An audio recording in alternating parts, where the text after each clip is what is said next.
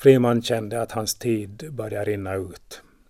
Att han riskerar vissna innan han hunnit uppnå hela sin potentiella prakt. Smaken i munnen var vidrig om morgnarna. Ögonen rann och ståndet kunde vara halvdant. Han tvangs klappa ansiktet med iskallt vatten och sprit, svärta även ögonbrynen, tugga en buss tobak och fyla sig i väl valda kläder innan spegeln förmådde återkasta en skaplig bild. Inför möten med nya kvinnor tvangs han lägga ner än mer möda. Men både till vardags och fest behövde han allt oftare stärka sig med supar innan hans självbild nådde godkänd nivå.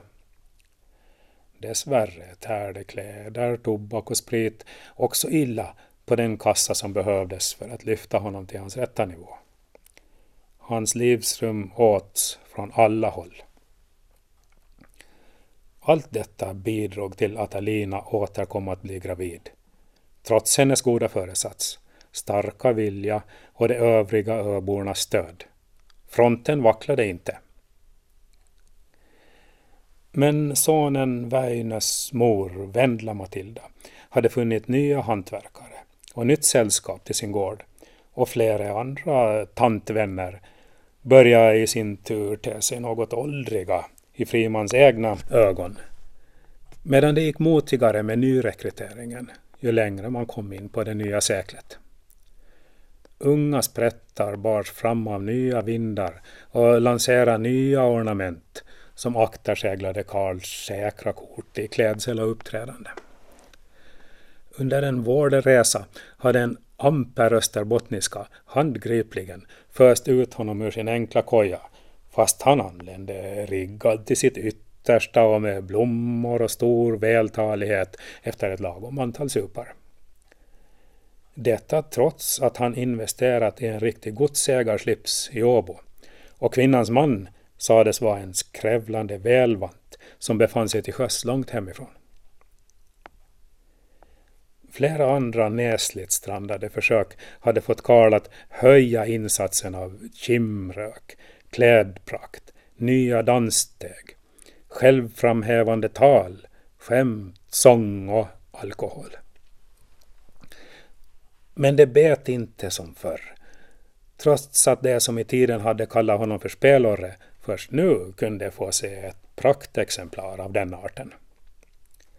Han behövde mera pengar.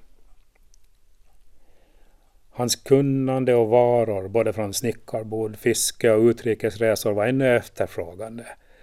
Men det lät sig inte göras att skaffa fram större volym. Istället vässade han upp sin förmåga att förhandla fram gott pris och därvid hade han under lång tid varit framgångsrik. Nu blev han en ännu skarpare förhandlare och det visade sig ge en öppning. Hans marginaler ökade och han kunde ytterligare höja sin klädstandard några snäpp. Han lät klippa sig på salong i Mariehamn anlade en smal vaxad mustasch och följde noggrant med de senaste strömningarna bland badhotellets mondäna gäster. En gång hade han till och med lagt ut en stor del av sina surt förvärvade pengar på att dricka kaffe i badrestaurangen. Men det hade skurit i hjärtat att trots alla ansträngningar sitta förnedrad i billigt krams i sällskap av förnäma utlänningar, bland vilka till och med den lokala societens bondska stomme skoningslöst sken igenom. Bitterhet, avund och raseri över samhällets orättvisor frodades i hans sinne. De där löjliga och bleksiktiga snobbarna skulle han ha distanserat miltals ifall de hade startat på samma linje och bana. Badanstaltens överläkare, Johannes Hoving, var ändå en man som för Karl stod över all bitterhet och kritik. Alltid välklädd enligt senaste snitt, men med någon liten personlig extravagans. Stilig, med markerade drag, välklippt hår och mustaschen i bästa trim. Han förstod att föra sig, var bildad, representativ och inte blyg att exponera sina yttre företräden. Kvinnorna flockades kring honom och han var gift med en berömd skådespelerska från Stockholm. Karl kände både beundran och gemenskap när han betraktade den mannen. Han gjorde ju allting rätt. Om bara livets lotter fallit rättvisare, då kunde de ha varit bästa bröder och konverserat de frappanta damerna tillsammans, arbetat tillsammans. Ty naturligtvis skulle också Karl ha blivit en ypperlig läkare om möjlighet givits. Något äldre än Hoving skulle han ha kunnat vägleda denne under studietiden, där de även hade hunnit delta i glada kvällar med punsch och sång bland eh, galanta damer i Åbo. Åldersskillnaden skulle antagligen ha medfört att Karl kommit att bli badanstaltens överläkare, men med Hoving som betrodd underordnad. I deras själsliga gemenskap skulle sådana formaliteter i rangordning inte ha påverkat kamratskapet. De skulle ha flanerat lika eleganta i parkerna mellan badanstaltens överdådiga byggnader, utdelande goda råd åt förnäma gäster från Sankt Petersburg, Stockholm och Helsingfors. De skulle ha åkt på kryssning med inbjudet sällskap i ångaren Mariehamn och från middagsbordet i aktersalongen betraktat hur det enkla folket fiskade från sina pittoreska små båtar utanför öar som Bogskär och Lillbroskär. Överläkare Karl Friman skulle ha lyssnat till badanstaltens orkester från mellandäcket och i tankarna valt bland sköna damer för en Bostonvals efter kaffet och konjaken.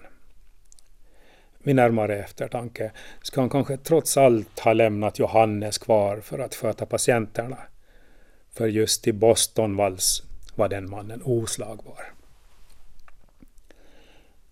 Hunnen så långt i sina tankar hade Karl blivit störd av en servitör som meddelat att det var dags att lämna badrestaurangen som efter klockan åtta var reserverad för anstaltens gäster.